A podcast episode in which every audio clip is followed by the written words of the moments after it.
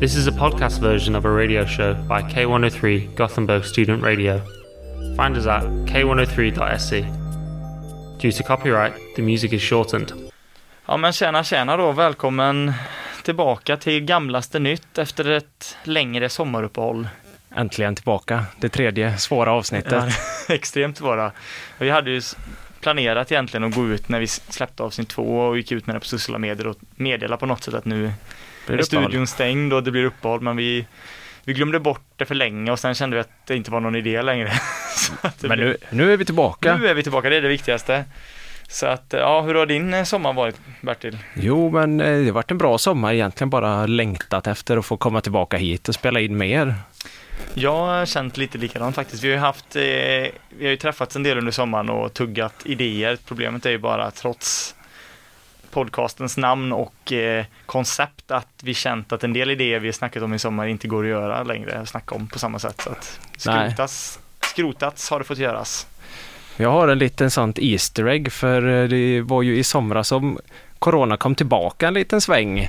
Just det. Och jag följer lite sadomasochistiskt en, eh, en eh, twittrare som heter Mask Up Sweden. Okay. Som är, okay. Det är ju en hel, en hel kult som liksom verkligen vill att corona ska vara kvar. Älskar eh, att de, bära mask överallt. De gillar att känna sig liksom inkluderade i någon sorts gemenskap.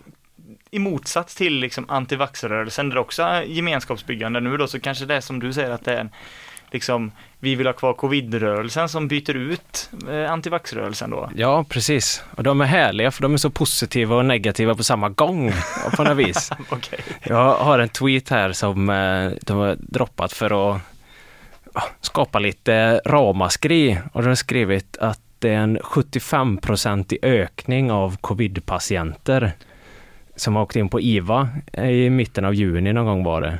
Då tänker man ju, åh oh nej, inte 75 procent. Ja, det, det låter ju jättemycket. Det låter fruktansvärt mycket. Kan du gissa hur många det var som var 75 procent? 75 procent av vad? Ja. Eh, 75 procent av, eh, jag gissar på 40 pers. Fel. Fyra. Det hade ökat från fyra till sju. ja, då är det storartad ökning. ja, och ingen var lika glad som Mask Up Sweden som kunde gå ut och bära sin mask med stolthet. La de ut bilder också på detta? Ja, på statistiken då, men de försökte mörka det där hur många antalet var, men 75 procent, ah. oj oj oj. Så då vet ni det då att om ni har gått i någon sorts, med någon sorts ångestkänsla i sommar, att ni tycker att det är piss, att det värsta med coronapandemin verkar vara över för i nuläget så kan ni gå med i Mask Up Sweden och känna den värmen igen. På med masken, på med masken. Men det är faktiskt jävligt få man ser nu, vi bor ju båda i Göteborg, det är väldigt få man ser med mask överhuvudtaget. Jag ser typ aldrig folk längre på stan med mask. Så eh, slutsatsen är att Mask Up Sweden inte bor i Göteborg? Det, med tanke på med tanke på deras egen logik skulle man då kunna säga att, eh, nu vet jag inte hur många Mask Up Sweden har haft här eh, sedan den organisationen startades, men vi säger att de är tre som bor i Göteborg och så har de lyckats ragga, vad blir det då? Ja, kanske tre. Och tre nya har de gått upp, ja, då har de i och för sig gått upp med 100 procent. Ja, det är väldigt mycket stor ökning för dem, Mask Up Sweden-gänget. Ja, så att jag vet inte, de kanske inte är så stora här. Eh, men om ni har någon, om ni av någon anledning inte bor i Marks kommun eller i Göteborg och lyssnar på detta så kan ni ju gärna slida in i våra DMs där på våran Instagram och, och, och, om ni känner till någon som är med i den här rörelsen så kan vi kanske få en inblick få... i hur man tänker. Ja, precis. Och om ni kände att lugnet var över och att man inte behövde vara så orolig längre så hade ni fel utan det är full, full panik, mask på. Fan, det kan inte vara det kan inte vara gött, alltså det är ju, jag blir ändå lite nyfiken på, alltså om det bara är maskgrejen att de typ säger, ja man måste ha mask fortfarande för det är fortfarande farligt bla bla bla med covid. Eller om det liksom påverkar alla delar av ens liv, så liksom när man, det hade ju varit lite kul faktiskt om någon som är högt uppsatt i Mask of Sweden typ bor jättenära Ullevi. Så de sitter in och knåpar på datorn samtidigt som 70 000 människor är på Håkan Hellström precis nedanför. Ja det är ju, ja det är ju, om någonstans det sprids så är det väl på Håkans konserter just nu. Sitter med en sån, någon sån sån sjuk jävla dyr kamera som, med superzoom så den personen typ zoomar in i publiken och outar alla med, liksom är, utan att blurra ansiktet som inte har mask på sig i Håkans publik. Och det är många. Det är många. Det är många. Det hade varit riktigt statement dock om Håkan nu. Nu spelar han ju för sig sista konserten här i helgen när vi spelar in detta avsnittet. Eh, 30 augusti är det väl idag va? Ja. Det hade varit sjukt statement för jag såg att både Greta och en annan klimataktivist från eh, Borås kom ut på scen och pratade typ om klimatet Ja. såklart. Det hade varit konstigt om de pratade om något annat. de pratade om dansbandskulturen i Sverige på 70-talet på scen. ja, det ska Greta ändå ha, att hon är insatt i det. Hon gick upp så med en Skogaholmslimpa, sakta men säkert skar bort kanterna på grund av hennes autism och sen så började hon prata om dansbandskulturen i Sverige på 70-talet. Ja, nej men det, jag håller med dig. Håkan skulle haft mask när han sjöng. Ja men det hade varit ett statement om han hade gått ut i, i mask liksom och kört hela konserten sen med mask. Det hade varit något. Ja, då hade jag blivit ett Håkan-fan igen. Ja, jag med. Men eh, vad har vi gjort i sommar så mycket som kan vara av intresse då? Vi har väl inte gjort så mycket mer än vi har jobbat och slitit på.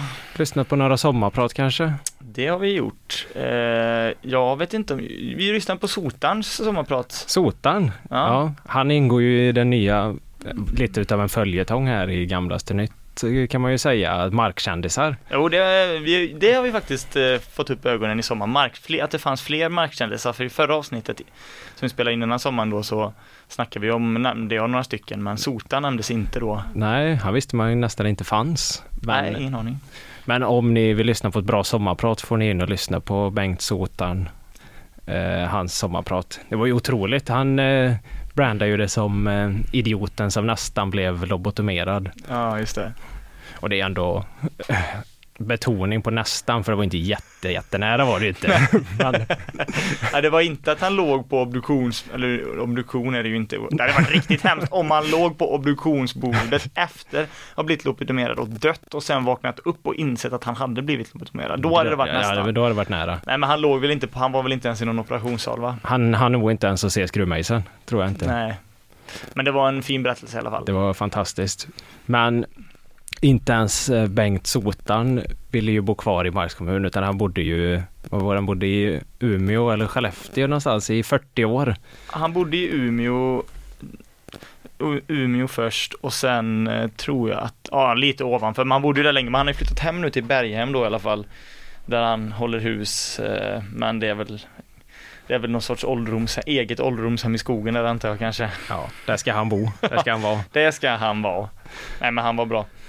Och köta på som fan och berätta och, ja, det var, jag skulle kunna säga så här, hans sommarprat var 15 minuter jättebra i början. Fem, 10 minuter jättebra i slutet och sen var det lite Skrytfest var det En väl? skrytfest i mitten, men eh, det är inte många sommarprat som har 25 bra minuter. Nej, det ska han ändå ha. Bra musik och trevligt var det. Och Ja, så ja, ja, berättade han ju om eh, sån, en av de ädlaste sporterna vi har här i Sverige. Traktorpulling. Just det. Har du kollat på det någonting? Nej, men jag har varit utsatt och få höra en hel del om tra- traktorpulling. Känner du till hur det går, vad det går till på? Eh, nej, men jag, det enda jag kan tänka mig med namnet är ju att det är en traktor som drar saker. Du har helt rätt. Ja. ja, Tänk dig Usain Bolt på eh, OS, han ska springa. Fast Usain Bolt är en traktor som drar jättetunga saker jättefort. Okej. Och det var, det var ju där eh, Sotan gjorde sitt namn som en riktig, en av Sveriges bästa kommentatorer då. Så han skrek typ om någon skulle frakta en typ betongställning med en traktor så skrek han då liksom, för det var, för det, eller var det en bana de sk- kör de en bana eller bara typ punkt A till B och så ska de gasa så mycket Punkt. A till B, precis som Usain Bolt när han springer. Fast du är en traktor. Tänk om nästa o- traktorpulling blir en OS-gren.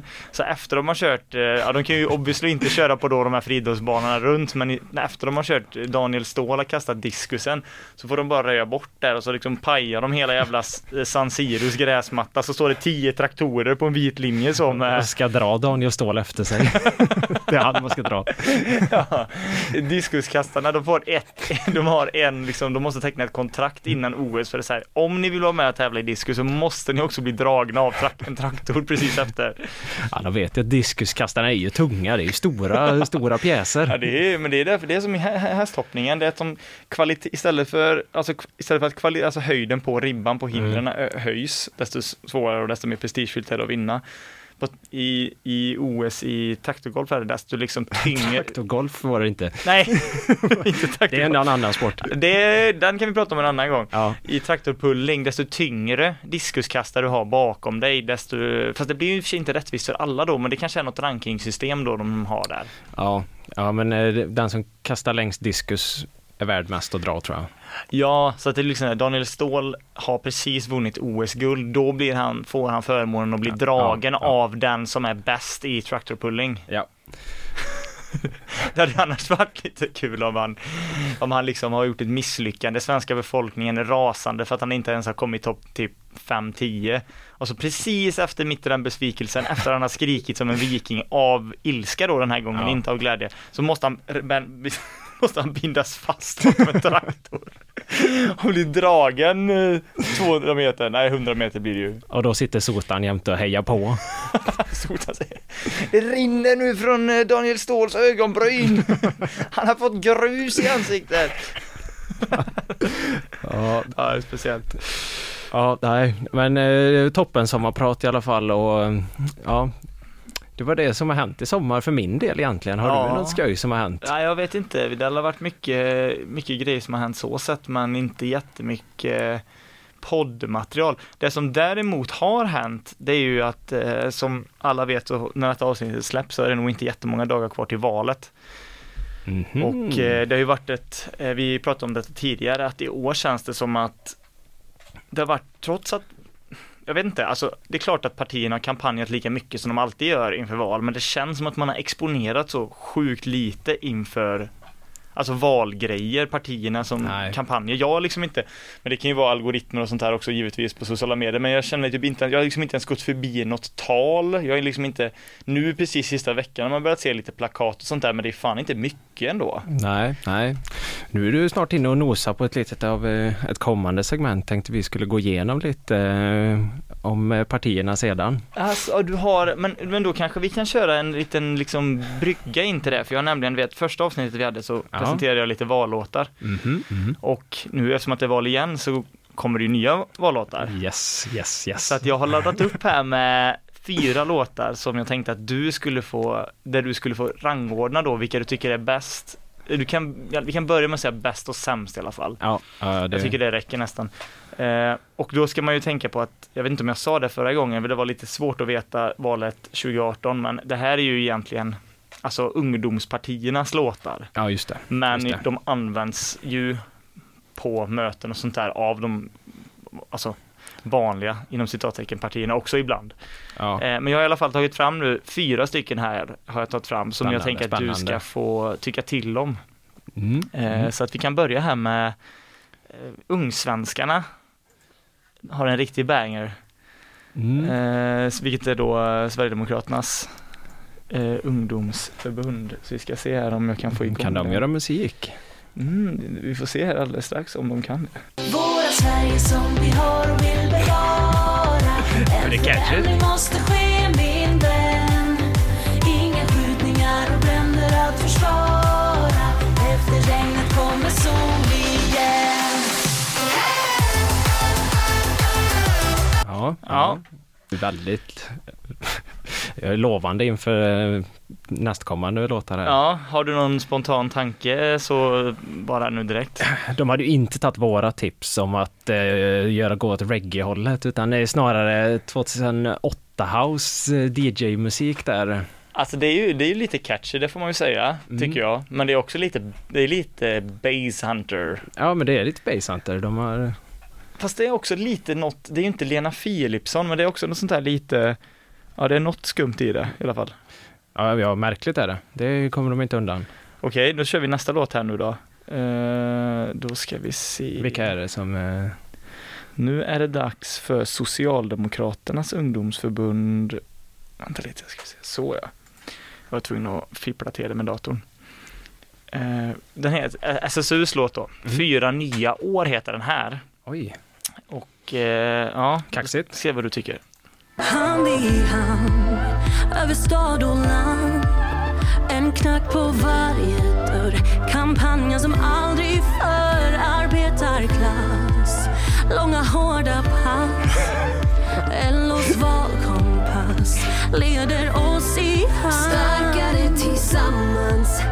Ensam är klen Nu drar vi ut och vänder på varje sten. Fyra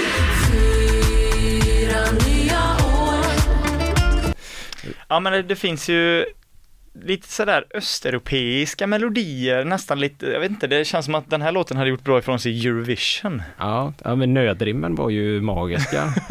det, de har de tvingat in, skonat in. Det- får man säga och jag skulle, eftersom att det här blir egentligen lite fusk nu då, men eh, det finns en passage i den här låten där Doggy Doggelito gör entré och, Han var där också.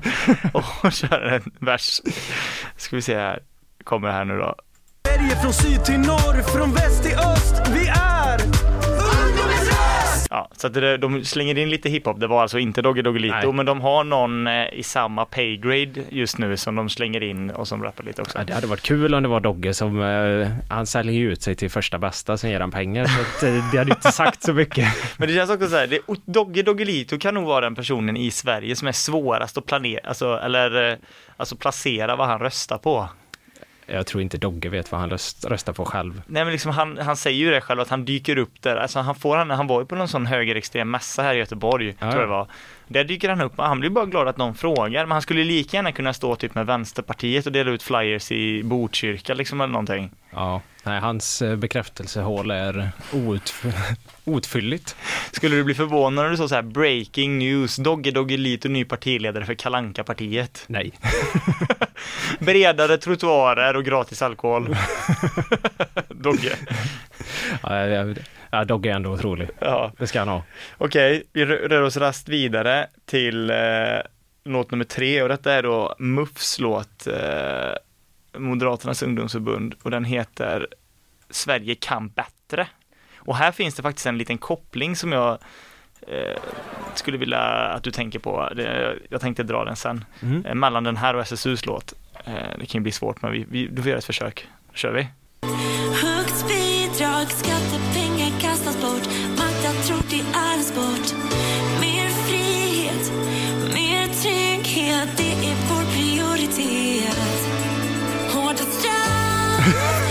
du är Det är dags för ska sossarna ut Tragedin den tar slut Idag, idag, idag ingenting kan Magdalena lösa Regeringen, de ska bli arbetslösa vi har Ja, det, är- det är magiskt. Det är magiskt. Där är alltså Moderaternas då.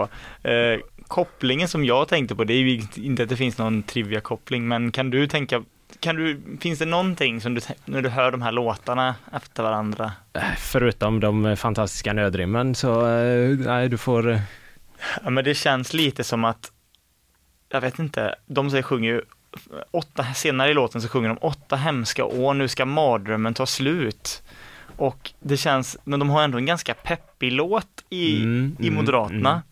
Men jag vet inte om det var Alex och Sigge som snackade om det där att typ det låter i den här Socialdemokraternas eh, SSUs vallåt så låter det nästan lite alltså deppigt så att de är nedstämda. Och det, jag måste ändå ge, ge Muff att de lyckas ändå peppa igång det. Det blir lite sådär fyra nya år, ah fan alltså det blir så ja vi får la ta fyra nya år då men här är det ändå så här, nu jävlar nu ska Ja. mardrömmen ta slut. Ja, men de eh, wailar ju ändå hårdare straff på ett jävligt eh, peppigt sätt. det, det, det, är inte det första man tänker på. Att man Ja, ska... De är så jävla glada. Och det är också kul i låten, jag ska se om man kan hitta detta här. För då sjunger de, oj, inte där. Då sjunger de också om Annie Lööf. Att de ska sparka ut henne. Alltså han gillar dem inte, nej. Muff, och jag, jag, jag blev lite chockad för jag vet ju att de gillar väl inte att eh, Annie Lööf liksom allierat sig med sossarna och sånt där. Men de sjunger i låten, nu kanske jag inte hittar det bara för det, i så fall får vi skita i det men Det var ju synd. Ja, ja, skitsamma. Men de sjunger i alla fall också i låten typ Annie Lööf ska äta upp sin sko och skickas hem till Värnamo. Ja, det är bra. Det är Jo. bra. Men det hade varit lite med tanke på den här informationen som har kommit fram nu, jag vet inte om du, Nej. i att eh, han är Theodor Engström tror jag han hette, han som mördade Almedalsmördaren nu som attackerade Almedalsveckan. Han hade ju planerat att attackera Annie Lööf också. Just det. Så det hade varit lite kul på något vis om Moderaterna drog igång den här låten nu på nästa, när Ulf Kristersson går upp på scen så, så står det Annie Lööf ska äta upp sin sko, hon ska skickas hem till Värnamo typ tre dagar efter den här storyn breakar. Mm, Så jag mm. försökte gräva i den och se om jag hit, kunde hitta något exempel på det, men jag vet inte. Så att om det är någon som lyssnar på detta som har sett en video som är liksom, ja men de senaste veckorna nu då, eh, när detta kommer, eh, där Moderaterna spelar den här låten, så får de gärna skicka det till oss på Instagram, så blir vi glada. Ja, gärna. Okej, sist men inte minst, eh, AFS då, som Vikingarocklåten hade de i förra Ja, valet då, ja just om du det. Det minns var den. AFS, det var jag. Och eh, denna gången så har de en liten annorlunda approach. Eh, men vi får se vad du tycker om detta. Mm, det kanske det, det var här det skulle vara reggae då. Mm.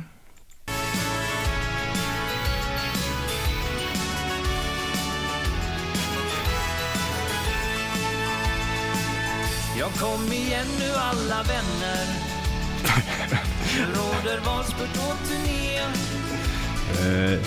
Ja, nu börjar Till eh, svensken vakna hemmalaget här nu. För det första vill jag bara säga innan du kommenterar. Nu lät det lite bättre, men hör du någonting om vad sångaren säger i den här låten? Nej, nej. Mycket trumpeter bara. Ja, det är väldigt, det känns nästan lite som att det är en tioåring som har mixat den här låten Ja, och glömt bort att han inte ska dra, inte dragit upp sångaren liksom på de här. nej, det är mycket, mycket trumpet och lite verkstad. Eller vad tror du? Vad har trumpeterna för roll i detta? och mörka deras eh, hemska intentioner. Ja, de säger jättehemska saker och så lägger de på jättehöga trumpeter. Det ska vara festligt när man säger att alla ska ut. Ut med packet och Ja. så trumpet över. Så nu, men vad skulle du säga nu då, summa summarum? Du har Ungsvenskarna, Sol igen, SSU fyra år, MUF, Sverige kan bättre och AFS titel som jag glömde att säga. Nu är vi på väg att vinna. Ja, eh, nej men enkelt, eh, SSUs var ju absolut sämst. Det var ju totalt haveri va. Jag kan inte ens placera det på kartan, det var riktigt dåligt faktiskt. Eh, sen var nog AFS eh, lite bättre kanske, jag vet inte, det var inget vidare. Men eh, det var kul med trumpeterna, det ska de ha. Eh, Så nu har vi alltså Ungsvenskarna, Sol igen och MUF, Sverige kan bättre. Ja, och det är tight. Alltså, Ungsvenskarna hade ju den här Basehunter-viben, men eh, det känns att de är ja, 15 år för sent med det här. Den, den talar inte till mig riktigt den eh, basgången de hade där. Men eh, Muff, Muffs låt, den hade ju något. Jag tyckte det var otroligt när de wailade hårdare straff. Ja. Så tydligt. Ja men så att eh, MUF går seger under den här duellen då. Ja. Skitbra, då har vi det avklarat. Ja, eh, om vi ska växla här lite nu mellan politik och viktiga saker som man egentligen måste prata om, Mhm. så vi inte bara håller på och tramsar omkring. Nej, så har jag, eh, jag vet att du också har kollat på en Sveriges Mästerkock. Du är en trogen följare, Ja, otroligt program. det får man säga. Håller den trots tio år på nacken eller fan det är? eller Jag tror det är kanske? ännu mer. Ja, det kanske är. Men det var ju förr, förra året som Mannerström gjorde sin sista eh, visa där. Just det, just det. Och redan då var han ju, han var ju, han var ju inte purfärsk om man säger så. Nej, han börjar bli gammal, eh, det får man säga. Nej, så jag tänkte vad, vad, har, vad har hänt? Vad har hänt med Mannerström? Vad gör han nu för tiden? Kolla lite, han är ju, han har ju gått och blivit någon slags ny variant av de här influencers, fast en gammal gubbe-influencer på något vis. Så hans Instagram är ju helt magisk att kolla på nu. Alltså har han Instagram? Jag har bara sett att han, jag har bara följt, eh, men det, det började han nog kanske till och med med innan han slutade på Mästerkock, men han har ju en YouTube-kanal där han gör, ja men du vet, så här klassiskt lagar lite grejer och berättar anekdoter när han bor i Frankrike typ och sådana grejer. Ja, jo, men eh, där är han kanske lite mer aktiv. Men för hans Instagram, det är ju få Instagram som är så övertydligt att det inte är han som Alltså. driver sin Instagram. Alltså. Utan han, det, det läggs ut bilder och texter under som det är så uppenbart att det här är inte Det är det. inte det, är den- inte, det är inte Leif som skriver det här. Det är inte samma ton som man är van vid. Nej, jag, jag ska se vad jag ska få upp här. För det hade ju varit, det hade dock varit ganska kul om hans, alla år han har synts i tv-program, alltså även innan Mästerkock när han har varit med och gjort så här matprogram och sånt, vilket jag antar att han har, att den här liksom lite gubbiga men någonstans varma framtoningen men uh, väldigt barsk Men sådär. lite barsk så ja. Att ja. det bara var en image, han insåg att det här säljer bäst och sen så är han egentligen en sån typ Mandelmans, eh, han som han i gubben i Mandelmans privat. Ja, min, min, min teori är ju snarare att det är någon som styr Leif. Jag tror inte Leif har någonting med sitt eget liv kvar att göra längre. Han är en marionettdocka bara. Han är en marionettdocka och de tar kort på han överallt hela tiden. Med, på konstiga ställen. Det är en eh, otrolig bild. Jag visar den här för eh, Rasmus och ni som eh, vill får gärna gå in på Mannerström official och kolla. Oj, vilket, vilket globalt namn han har ändå. Och här har vi en bild. Idag spelar jag in en intervju om 90-talsmat hemma från soffan och så en sån händer ihop som ber smileys. Och då, då, är det no, då är det någon som har tagit kort på Leif när han ligger i en soffa och lyssnar på en podd eller något. Det, ser- det ser verkligen ut som att han precis har vaknat upp från en nap och sen insett, fan jag har inte tagit min 15, eh, 15 medicin i, dosett, i eh, dosetten. hemtjänsten precis kommit. Och så säger han, jag måste ha medicinen och så kommer hans content creator där och vi måste knäppa en bild nu, jag måste ut, jag har, jag la ut en post för två timmar sedan, vi måste klocka detta nu Leffe. Ja, nej. Så, Min, fan. min teori Okej, Det var är... värre än vad jag trodde. Jag trodde typ att det skulle vara sådär överdrivet typ PR-igt, att det var någon fotograf, du vet som hade tagit, det där var ju verkligen bara typ någon som i all hast utan han var inte, med, han var inte medveten om att den här bilden togs. Nej, så jag tänker, har du sett eh, skräckfilmen Evil Dead? En Oh ja. klassiker Jajamän. med dockorna. Jajamän. Eh, spoilervarning för er som inte har sett den. För eh, i slutet så visar det sig att den eh, elaka pappan bara är en docka och det är hans vårdare eller hans dotter eller fru som egentligen styr han med eh, vad, vad heter det när man har eh, Ja men marionettdocka eller? en marionett, marionettdocka ja. Så eh, om det nu skulle bli strömavbrott eller något så skulle vi nog se att eh, Mannerströms huvud skulle bara nicka rätt ner så det finns inget kvar där. Den största komplotten någonsin. Alltså Mannerström, han är egentligen med Elvis och Tupac på Kuba och den, den Mannerström som syns nu är bara någon jäkla, det är någon jäkla extremt bra sån där. Jag, såg förresten eh, idag, eller när det, var idag, någonting om eh, något, något, något, Joe Rogan hade lagt ut någonting, jag vet inte vad det var för någonting, men en sån här att något företag i USA, om det var den amerikanska regeringen, alltså gör, jag tror det var ett företag, hade det varit den amerikanska regeringen hade det varit för konspirationsteoretiskt. så att jag tror det var något företag, om det nu än stämmer, men som tillverkar alltså liv, ett embryo med Ja. hjärna och hjärta typ syntetiskt utan befruktning. Ja, ja, ja. Så att tänk om Mannerström är liksom en sån tidig prototyp från, Vilken plot twist. från det. Det var därför de fick plocka han från Mästerkocken. Så de har fraktat han i en sån kista från, en sån vet, timmerkista från USA i något jävla, en jävla färja typ. Som han har åkt eh. det var, därför, det var ju därför han fick hoppa av från Mästerkock. Och det var därför detta började då, för Ja. han slutade Mästerkock bara, fan nu sticker vi till Kuba, hänger med Elvis. jävligt gammal Elvis i så fall, han måste vara otroligt gammal. Ja, lika gammal som Mannerström tror Ja, jag. de kanske är samma ålder, det kanske var därför han ville sticka. Han bara, fan jag har alltid drömt om att träffa Elvis, jag serverade han en gång på Sturehof eller Ja, på 60-talet, så nu jävlar. Så, ja. Så nu är han en marionettdocka så det är spaningen som får också en liten följetong nu att hitta olika människor som egentligen bara är dockor som drivs Ja, det eh, hade ju varit- content creators. Alltså det hade ju, i och med att vi kör en podcast och vi ännu inte kommit runt och banda detta, vilket också hade varit kul för då hade man kunnat visa bilder och sånt där också. Men det hade ju varit otroligt om vi hade fått liksom ett ljudbevis på detta, så att på något sätt att någon, de lägger ut någon sån story eller någon snippet eller någonting, så att man Ja. hör, och man hör hur disorienterad han är på riktigt. ja, vad kände du kring mat, eh, morgonmötet i Godmorgon med Marcus Aioli då? Va, vem fan är det? Vem är du? jag jobbar ju hos dig, jag är din agent ju. Ja, ja, ja det blir väl skoj då. Ja, det Nej, bra. så det är sena- senaste taken. Ja, det är bra. Det visste jag faktiskt inte om. Det kanske vi också ska kolla då. Det kanske blir ett gräv till nästa vecka. att Vi ska kolla på fler kända profiler i över 75 och se hur de hanterar sociala medier. Mm, Det jag kan tror bli en det följetong. Veck, Mm. Veckans gamling. Veckans. ja, jag tror det försiggår mer bakom kulisserna än vad man tror alltså. Ja, det tror jag också. Ja, från eh, veckans gamling då, nytt segment rakt in till en gammal klassiker får man väl säga. BBB är tillbaka. Oh, yes, äntligen. Fortfarande ännu ingen jingel till den, men det, vi ser om vi kan lösa det Mm. eh, i framtiden här. Eh, och idag har jag faktiskt inget, förra gången vi körde detta så hade jag ju galatema. Mm, ja, det var kul. Idag har jag inget tema utan jag har faktiskt bara valt ut tre grejer som inte har med någonting med varandra att göra.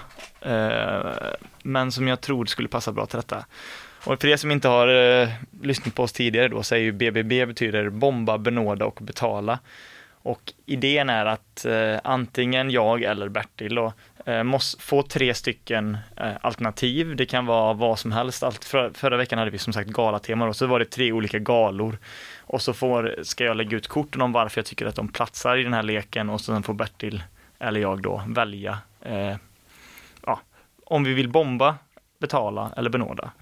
Eh, och denna veckan blir det då Bertil, eh, Mm. precis som jag tror aldrig att vi har gjort Nej, tvärtom, eh, men det kan bli i framtiden. Kan bli, kan bli. Eh, Så att då har du, kommer de tre alternativen här nu då. Eh, Så denna veckan på plats nummer, ja första, det är inga platser än, men första alternativet du har att välja mellan är Memmo. Memo. Vad, vad tänker du på när du hör Memmo? Eh, jag tänker att det är väldigt... Nej, det är svårt att beskriva. Det är väl en cash grab för A, eller framförallt B till ökändisar som behöver eh, ja, tjäna lite extra pengar i månaden och att man kan eh, avgöra hur framgångsrik eller eh, desperat en person är beroende på hur billig deras memo är. Typ så. Och om någon mot förmodan nu missat detta med Memmo, vilket man kanske har. Eh, jag återupptäckte det väl lite nu för någon vecka sedan, det är väl också därför jag är med det. Jag vet, minns när det började komma och då var det verkligen bara typ Doggy Memo som man såg reklam för. Ja. Men det har blivit mycket mer utbrett nu än vad det var för eh, bara några, jag vet inte hur länge det har funnits, men jag har säkert funnits i flera år. Jag såg det för två, tre år sedan kanske första gången. Och så nu är det väldigt, alltså många kändisar och även internationella kändisar som är med på Memmo så man kan boka både företag och privatpersoner. Men, men eh, du har ju helt rätt i din analys tycker jag med vad det är, utan det är ju en snabb cash grab för, för kända personer oavsett kändisstatus och det är ju priset som avgör då. Men så jag härom, häromdagen var jag inne och scrollade lite bara för skojs skull och se vad som fanns där. Och det finns ju väldigt, jag blev väldigt förvånad över vad jag hittade, så kan jag säga. Mhm. Vi kan börja med då eh, en memo som jag hittade. Det är Pontus Rasmussons morsa. Finns på. Och de som inte vet vem Pontus Rasmusson är, vem, vem är det skulle du säga? Eh, en framgångsrik eh, kille som eh, söker sig till eh, yngre generationen och kanske inte alltid är helt ärlig med hur gammal han är.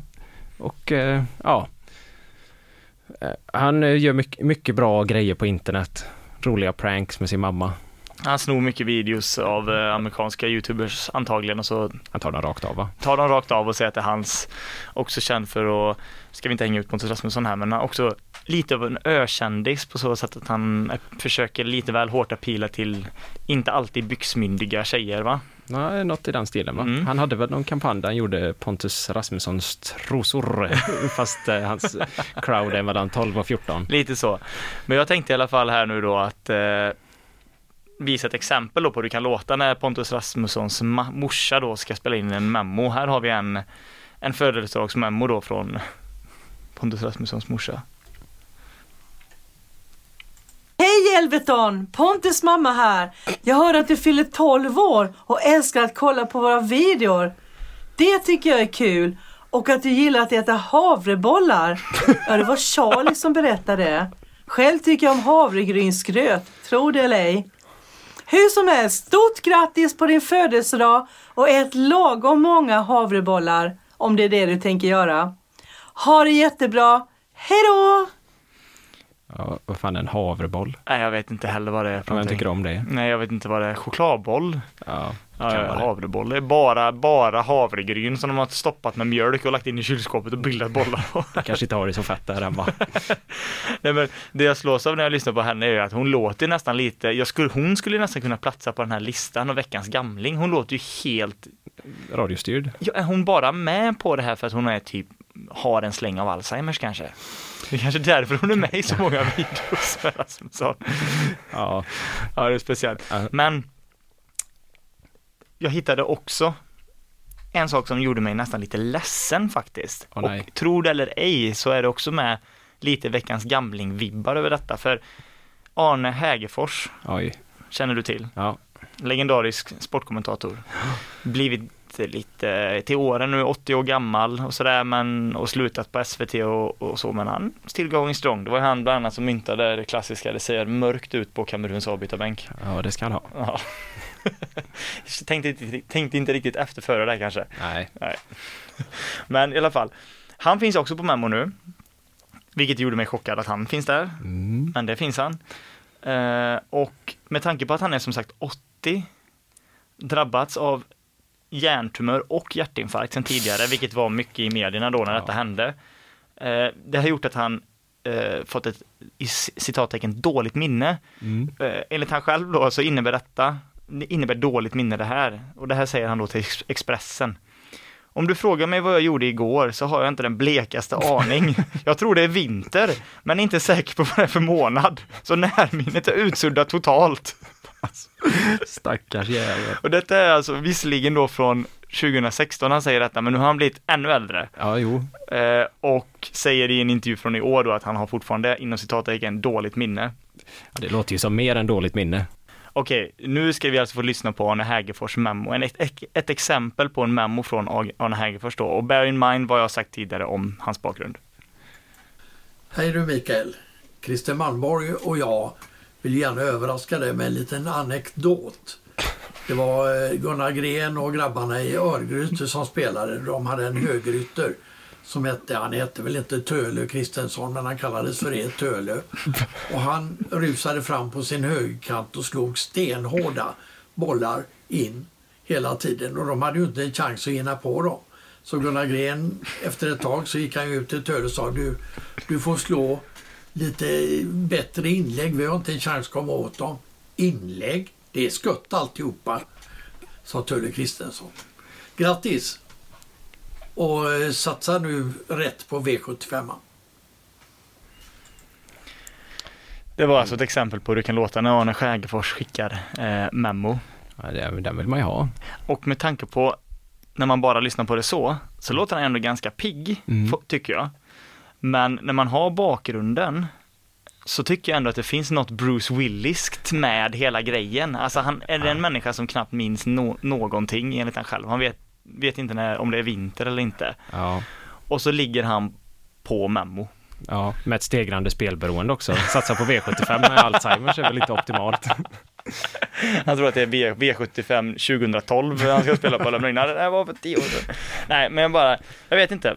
Ingen aning, han lär ju inte ha en agent längre, men jag är bara lite osäker på om det är han själv faktiskt som har tagit det här memo-initiativet eller är det någon annan som, för att dra en tråd tillbaka till marionettdocka då, drar i trådarna ovan och eh, Kanske inte han som tjänar alla pengar där. nej, vi får hoppas att det inte är som med Bruce Willis i alla fall. Annars lite reklam för Arne Hägerfors var ju ganska bra. Ja, ja, det är mm, förvånansvärt bra Mm. faktiskt.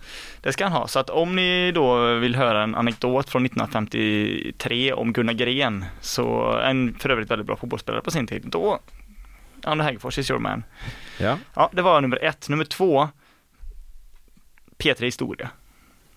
Ja. En podcast som jag gillar själv ganska mycket, men som därför också jag blev väldigt besviken när jag lyssnade på en podd om eh, Mary Shelley, författaren till Frankenstein häromdagen, Mm. och insåg att Peter Historia, min Peter Historia, min historiepodd har blivit buskis. Oj. Nej. och jag ska väl inte, nu lägger jag ju en värdering i det, vilket kanske är dumt. Men så här låter det i alla fall då i avsnittet, Mary Shelleys avsnitt på i Peter Historia. Pablo, glider sakta in under klänningen. Mary hör hans flämtande andetag, Pablo, känner hans puls dåna genom kroppen Pablo. och hans... Nej, alltså du får lugna dig lite. Det här är ju mjukporr. Så kan vi absolut inte ha det. Nej, Vad är det som händer? Ja, Vi, vi får bara klippa där och, och gå vidare. Men tack. ja, ja, okej, skyll er själva. Ja.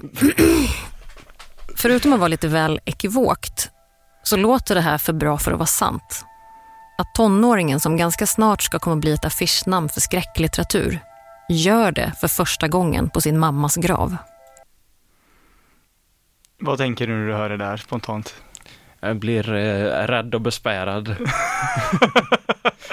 Det är alltså då en scen i det här avsnittet där de ska, han ska beskriva, ja, de har ju så ibland när ska, han ska beskriva scener då från olika historiska skeenden när Mary Shelley träffar sin första stora kärlek då. Ah. Och då blir det sådär, och man är ju inte dum, jag fattar ju att det är stageat liksom. Men det kändes ändå jävligt konstigt att få någon sån buskig scen där han ska läsa upp det och hon ska liksom låtsas, åh nej, det här får du inte säga, det är ju mjukporr, åh. Jag bara, vad fan är det jag lyssnar på tänkte jag när jag hörde detta. Nej, det var, det var stark, stark scen. Också bra när han, när han sa något såhär, åh, okej då. Som att han satt och hade någon sån, satt och typ hade ett halvbånge där mitt i Ja. sändningen. Åh, okej då. Nej, speciellt. Skådis of the year. Och sen på plats nummer tre, vidskepelse. Ja, utveckla. Det var när vi reste till Frankrike, jag och min sambo. Eh, Jag hade tänkt på det, kanske, jag kanske är antagligen sist på bollen här, men jag insåg då att det inte finns någon plats 13 på de flesta flygplan. Det kanske inte gör.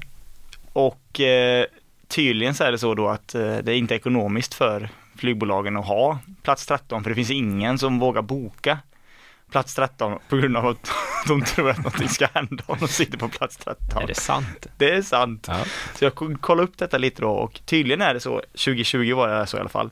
Så hade If, försäkringsbolaget, gjort en undersökning då som visar att en av tre svenskar tror på någon form av skrock. Jaha. Vilket gjorde mig väldigt eh, konfundersam. Eh, på den här listan då så var Svart katt som går över vägen toppade då den här listan över folks rädslor då för att något dumt ska hända. Nu får de ge sig. Vad har du för relation till vidskepelse? Nej, men jag tycker väl att det är ren trams. Eller bara. Men samtidigt just svart katt över vägen, det är ju mest kul. Spotta över axeln. Ja, Det är jävligt jobbigt när man sitter i bilen och ja. Blir så, spu- sputta ner hela vindrutan bara som är uppdragen. ja, det måste göras. nej, nej, men eh, skrock har väl haft sin plats, men inte nu. Alltså det känns, nej det känns ju som att, ja, det är någonting som, på ett sätt, de kom ju på religion då för att ha folk någonting att slutas kring och så här, samtidigt vara rädda för då att leva i, i, i raka led på något sätt.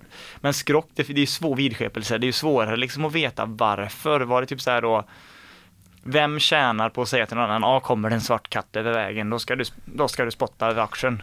Ja, men det måste väl vara hitta anledningar för att förklara varför allt går åt helvete i ens liv. Det är därför det finns så mycket olika. Någon satt i kyrkan på 1200-talet och sa det, ja min gubbe dog igår och det var, samt dagen innan så gick det en svart katt över vägen. Då är det spikat. Japp. Då tar vi den. Okej, så det var i alla fall de då tre, veckans BBB, memo, Peter Historia och vidskepelse. Vad, hur väljer du? Vad väljer du? Ja, det... Du hade ju helt rätt i att det var väldigt olika saker. Mm. Mm, men om man ska vara snabb och bomba någonting så är det ju inte svårt för det, det blir ju memo. Det är ju en vidrig sida med vidriga intentioner. Det, det är det ju. Sen att Arne Hegerfors var där, det är ju ändå cred till han att han orkar prata och sådär Ja, det ska han ha. Men nej, den sidan ska inte, ska Den inte få vara kvar. den ska försvinna. Om inte någon vill ha en memo från mig. I så fall, i så fall så Ja, betalar vi för det. Vi kanske kan göra en memo där vi kan skicka och så att vi kan få råd att göra, sätta oss och göra en sån eh, BBB-jingel. Det är kanske är det som krävs. Det kan vara det. Men annars så bombar vi den skiten. Ja, Eh, och då får man väl... Ja, jag tror att P3 Historia, det, det finns ju ändå något där... Jag, jag konsumerar ju historiepodden som jag tycker är mycket bättre. alltså Eh, den kanske den är, inte jag Eh, men eh, det är ju bra utbilda befolkningen om historia, så jag benådar den. Mhm. Även om de använder lite buskis, det får väl vara. Ja. Vi får låta den gå. Men eh, då måste jag betala för skrock. Det, finns, det något, eh, finns det något skrock för att betala mot skrock? Det finns faktiskt någonting att betala. Du skulle ju kunna börja med att betala för plats 13 på ett flygplan. Det skulle jag kunna göra. Ja. Och se om man krockar då, eller kraschar. Jaha. Det hade varit otroligt om du inte kraschade med flygplanet, du krockade in i ett annat flygplan. Då är det ju bekräftat att plats nummer 13 är riktigt jävla skit. Ja, men de andra, ja. De sitter på andra flygplanet, om inte de har plats 13. Så, ja, Ja, det blir något konstigt. ja det är där. Men tänk om de då sitter på, jag kan betala för att sitta på plats 13 på andra flygplanet som koordineras detta. Det blir väldigt, so- alltså då måste ju nästan vi styra upp den här det blir nästan som en terroristattack. Ja, vi skulle göra det. Far- farligt nära. Men vi kan ju prova då, vi vet att de här planen kommer korsa varandra någonstans över det här havet eller det är någonting. Vi vet att de kommer vara i närheten. Ja. Jag bokar plats 13 på ena, du på andra. Om det då inte händer någonting kan vi också se att skrock funkar för då blir det att din 13 tar ut min 13. Ja, just det, båda kör fel så de missar varandra. Ja, det blir neutraliseringseffekten då på något vis. Ja. Alltså, nej, men eh, vi betalar för skrock. Ja. Det får ändå leva kvar. Vi betalar för skrock. Då har vi alltså, ni hörde, Memo, det ska bombas, Peter Historia, det benådas och vi betalar för plats nummer 13 på flygplan. Dit ska vi. Då tänker jag att vi ska gå tillbaka till lite mer trams igen, för eh, nu är det dags för politik. Ooh, back to politics.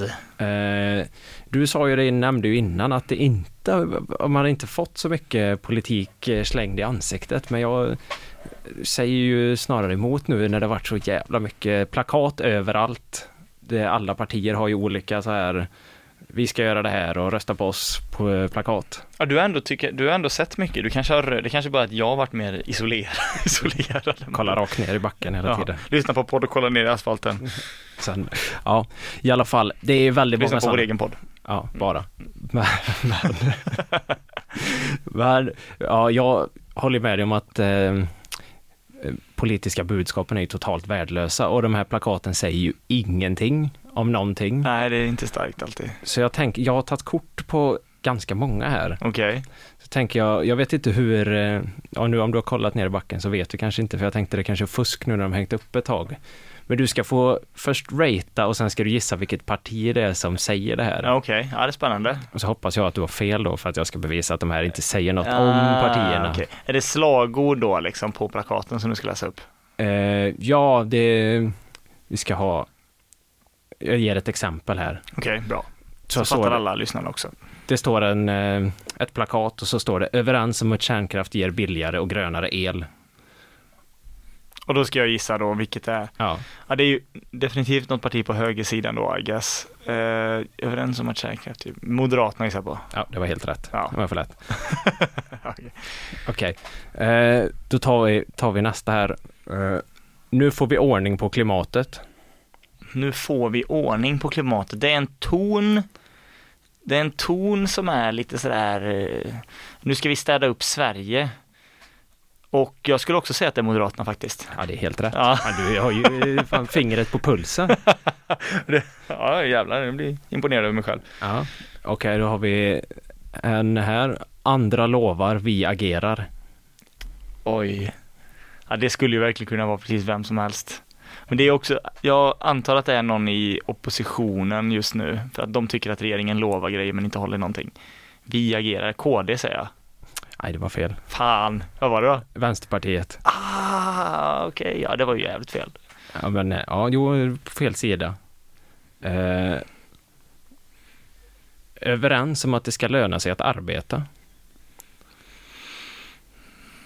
Det ska löna sig att arbeta. Ja, ja, men det är ju definitivt ett högerparti. Eh, hmm. Jag säger KD. Nej, det är fel. Det är Miljöpartiet. Den var lite konstig. Va? Jag tror att de hade snott den. Ja, det känns väldigt inte, alltså överens om att det ska löna sig att arbeta. Ja, det kändes inte som Miljöpartiet. Okej, Ja, fan. den tyckte jag Två var fel har jag då, va? konstig. Eh, Ett rätt, två fel. Ja, jag tycker det var ganska bra. Eh, den är omöjlig. Eh, för Västra Götalands bästa. Vad säger den? Okej! ja, den där var dålig. För Sveriges bästa, den var, åh herregud. För Västra Götalands bästa. Åh, fan vad svårt. Demokraterna. Nej, det är Centerpartiet. Jaha. bästa, Götalands bästa. Ja, men då vill vi bara gå och rösta med en gång. Åh, om det är det. Gud. Undrar hur många, det hade varit så intressant att se om man kunde kolla folks skanning i hjärnorna när beslut tas. Ja, de som, de de- som gör det här, vad tänker de? Men dels det, men också del, de som faktiskt ser, hur många det är som ser den där och därför röstar på Centerpartiet. Så man kan dra den orsak-verkan, Ja, det hade jag gärna velat se. se hur många det är som blir övert- övertygade. Ja. Eh, jag har två här som är lite svåra nu då. Okej. Eh, redo att ta strid för välfärden. Redo att ta strid för välfärden. Det skulle också kunna vara precis vilket parti som helst. Men redo att ta strid är också en ganska upptrappad retorik. Redo att ta strid, fast det skulle typ kunna vara sossarna. Jag säger Socialdemokraterna. Nej, det är KD. Fan också. De har kidnappat välfärden. Men det är det det skulle kunna vara vilket. Jag tänkte först sagt en typ KD eller SD för att det är så här redo att ta strid. Men Ja. det är också typiskt Ulf Kristersson-retorik, så att ja, fan, ja, ja. Men, och sen har vi den här då. Ta tillbaka kontrollen över välfärden. Så Solklart. Så jävla diffust. Vad menas med det? Nej, ingenting. Ta tillbaka kontrollen över välfärden. Okej. Ja, Okej. Åh, herregud vad svårt. Ta tillbaka kontrollen. Då är det någonting som inte har varit kontrollerat. Då säger jag Sverigedemokraterna. Vänsterpartiet. Jaha, Så det är, när man går till valstugorna får man välja mellan ta strid för välfärden eller ta kontroll över välfärden. men fan. När, när man får höra så här, men det är, det är väl därför liksom det att, som du säger, det be- bekräftar väl din tes på ett sätt för att det hade kunnat vara vilket parti som helst. Men när jag får höra så här, ja det är vänstern, ja, ta tillbaka kontrollen, då menar de ju typ att det inte är en sån välfärd som det har varit Ja, förut jo. när det var mer vänster i Sverige och sådär, men det är ju lätt att tänka så, vara efterklok när man har hört det. Ja, Ja jävlar, de var inte lätta. men jag har en avslutning som är min favorit. Det tyckte jag var roligast. Eh, överens om att unga som förnedrings, förnedringsrånar ska sitta inlåsta. det sticker av med hakan lite. Unga som förnedringsrånare, ja. Är vi, men om man bara bryter ner det också. Överens om att unga som förnedringsrånar ska sitta inlåsta. Vi, okej, vi, vi, vilka är det som är överens? Är det typ att vi är överens i vårt parti? Och är du också överens om detta? Mm. Eller är det liksom, för att om man läser det bokstavligt talat så säger de ju det alla vet redan. Ja, Alla är överens om att eh, de ska sitta inlåsta. Ja, eller om man nu inte är överens då som, ja. Så ja, är vi det nu, om man ser den här. Eller förnedringsrånare kanske inte ska sitta inlåsta. För om man är förnedringsrånare och ser den, Mm. då är man ju faktiskt inte överens. Nej. Då vill man ju inte sitta inlåst antagligen. Och det är ändå en jävla kategori av människor som förnedringsrånar. Ja. Alltså, det- jag vet inte riktigt. Det kan väl se ut på olika sätt när man förnedring, förnedringsrånar, men man har skrivit, eh, säger massa taskiga saker till någon samtidigt som man tar deras grejer eller Man gör en sån wedgie på dem i örat. sätter på en dumstrut på någon och sen eh, tar deras plånbok. det, det hade varit så här, i SVTs eh, sl- slutdebatt typ, så, så här, säger någon av partiledarna bara, ja men jag tycker vi måste prata mer om, vi- alla pratar om föreningsrånarna på det här sättet, men om vi vänder på det, det är ju också en viktig målgrupp att nå. Vad, vad gör vi med förnedringsrånarna? Hur ska vi, vad, det, de måste vi också få med på tåget här. Ja, Hur ska vi, vad, vad gillar de? Vad gillar en förnedringsrånare? förnedring. Går de igång på förnedring eller är det liksom bara att det blir så för att de är så uppe i varv när de rånar att det blir så här, ja men fan vilken ful väska du har. Ja. Och så tar man den. Då- Nej, då öppnar man den Ja, och så tar man något i den just det. och så just det. går man. Och så kollar man i den och så bara, äh, fy fan, det vill jag inte ha. Och så stänger man igen, då var förnedringsrånad. De gör så, fan den här väskan, den, du, den, den var jävlare med det fulaste jag har sett. Tänker ta den, Äh, en sån. Men då har man ju inte fullbordat ett rån, så någonting just får de ju ta då. Ja, värdigheten av den som förned, förnedringsrånad då. Ja men det kanske är en ny brottskategori. Just det. Det är liksom inte att man liksom blir förnedringsrånad, utan det är så här ett, du blir rånad på din värdighet genom förnedring. Ja, ja. Och då är vi överens om att, de, att man ska sitta inne då. Eller är man bara lite otrevlig? Ja, det... Ja, vi kanske inte är överens alls. Nej. Har du satt vilket parti det är? Förnedringsrånarna, ja men det måste ju vara det måste ju vara Moderaterna eller KD eller SD. Jag säger SD. Nej, det är Moderaterna. Ja, Men det var rätt block. ja. okej. Ja, det var bra. Så jag fick ändå en knappt godkänt då för jag tog typ två av sex. Ja, men ganska bra för att se. Du hade bra koll. Ja, Man kunde det- ta lite på retoriken. Jo, det var väl det enda i, precis för annars var det ju ganska, alltså budskapen var ju verkligen alla partier hade kunnat säga detta. Ja, det är väl det som är, alla har någon om välfärden. Men vad hade, om man vänder på det då, vad hade, vad hade, ja, precis, om Centerpartiet hade sagt någonting om skog, skogsbruk, då Ja. hade man väl kunnat lista ut att det var Centern.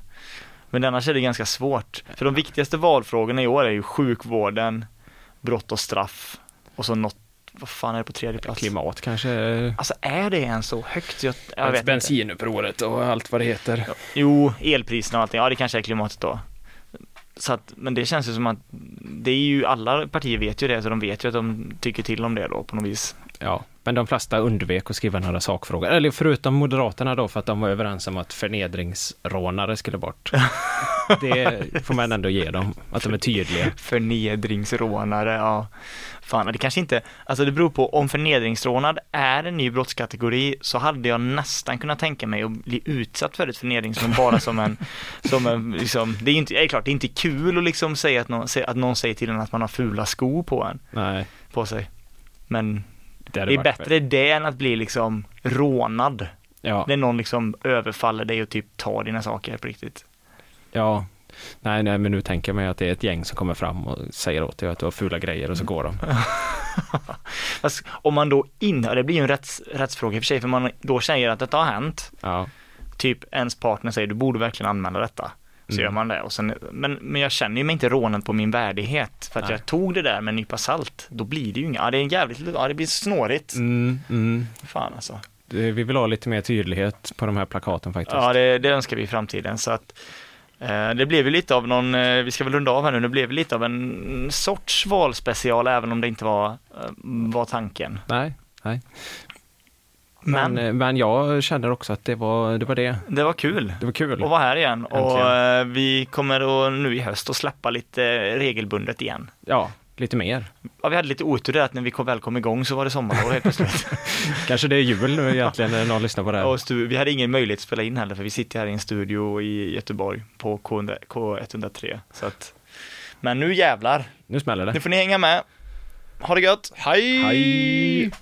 You've just heard a podcast version of a radio show by K103 Gothenburg Student Radio. You'll find all our shows at k103.se. Follow us on Facebook or Instagram.